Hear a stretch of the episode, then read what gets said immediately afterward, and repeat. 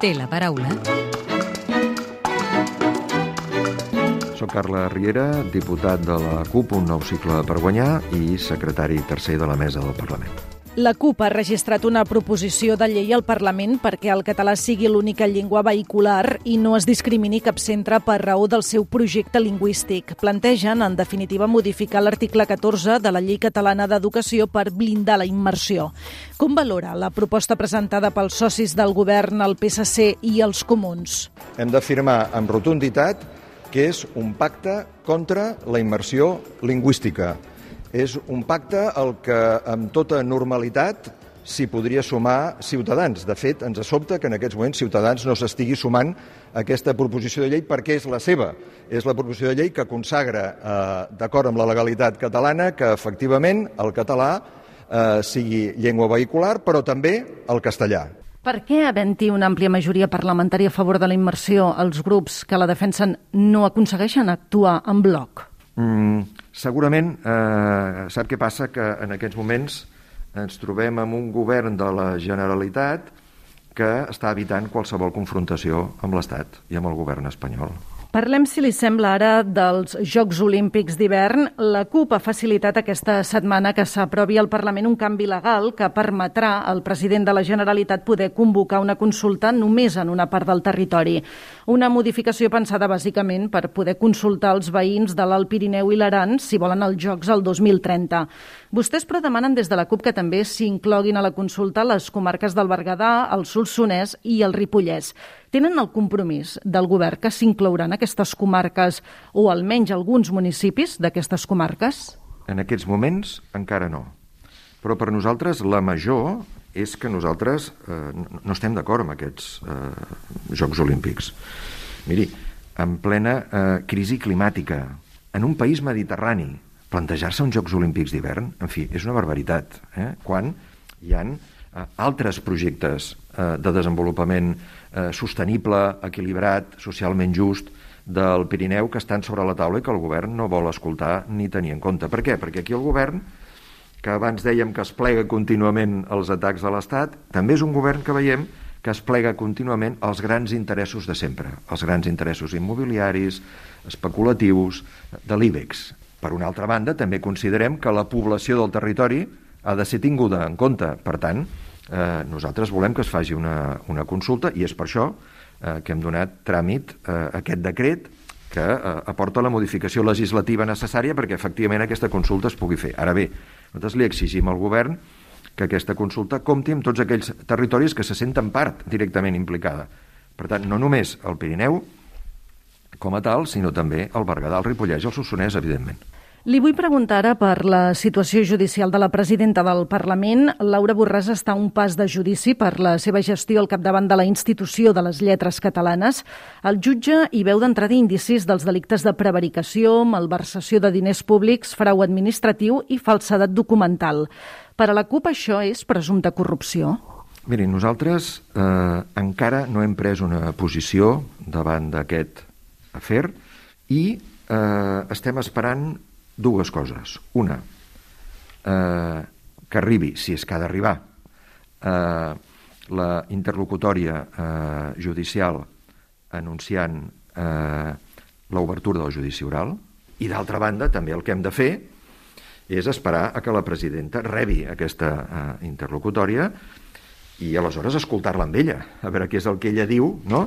i quina és la seva posició davant d'aquesta eh, interlocutòria a partir d'aquests dos fets, d'escoltar-la amb ella, que és el que ella diu, no? i d'analitzar els termes de, eh, el plantejament de l'inici del judici oral, eh, nosaltres posarem en marxa dintre del nostre espai polític, dintre del nostre moviment, els procediments de debat i de presa de decisió perquè sigui la nostra militància qui prengui la decisió davant d'un fet que, òbviament, és molt transcendent. Per què? Perquè nosaltres sempre eh, partim del mateix marc. 1. Oposició total i absoluta davant de qualsevol forma de repressió política en general i de persecució política contra l'independentisme en particular. Aquí tenim una posició ferma i inamovible de rebuig d'aquesta repressió, d'aquesta persecució política de l'independentisme i, per tant, de solidaritat amb eh, totes les persones eh, que la pateixen. I per una altra banda també tenim una eh, posició molt sòlida i molt clara de lluita contra la corrupció, contra qualsevol forma d'infracció o de mala praxi en la utilització de recursos públics. Sempre ens movem en aquest eh, doble plantejament i d'aquí ni sortim eh, ni sortirem. Un altre dels temes polèmics d'aquests últims mesos aquí al Parlament són les anomenades llicències per edat o el que més popularment es coneix com a prejubilacions daurades dels treballadors del Parlament. La Cambra Catalana ha acordat no donar-ne més, però ara s'ha de resoldre què passa amb els treballadors que ja estan gaudint d'aquestes llicències o que ja la tenen concedida. Vostè que forma part de la mesa, quin és el posicionament de l'òrgan rector de la Cambra? Nosaltres el que hem considerat eh, és que a la vista de eh, la supressió de les llicències i, per tant, eh, eh, de, de la supressió d'aquell aspecte de la normativa parlamentària eh, que les permetia, eh, automàticament eh, les altres, eh, les que estarien eh, en efecte, diguéssim, les que estarien actives o podrien estar actives, són eh, revocables i o modificables, totes elles. Eh? Per tant, eh, eh, aquesta és una primera qüestió. En el moment en què desapareix no? eh, aquesta possibilitat i ja no se'n pot donar cap més, també les que estan en, en, en situació eh, activa no? eh, són eh, revocables i o modificables. Val?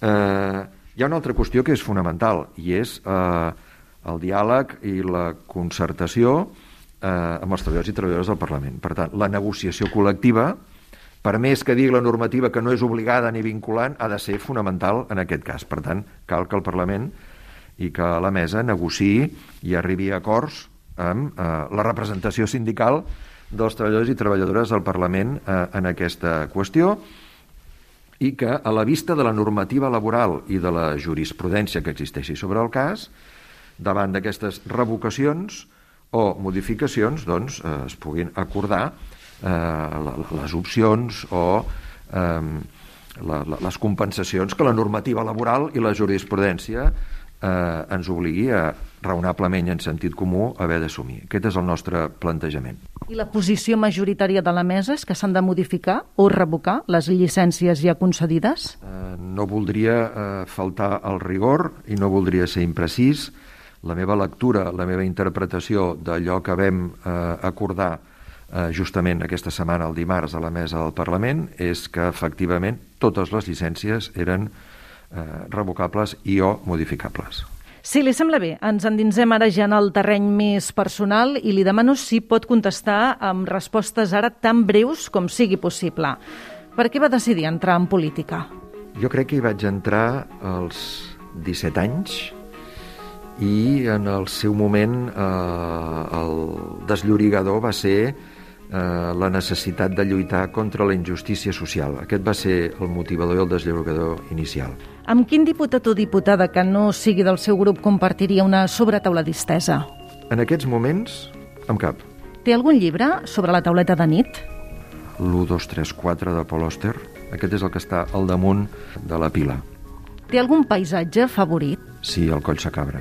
I ja per acabar, completi la frase següent. El que més m'agradaria del món és assolir una situació de pau. Em sembla que és molt important en els moments en què estem, però sens dubte basada en la justícia, no una pau basada en la injustícia.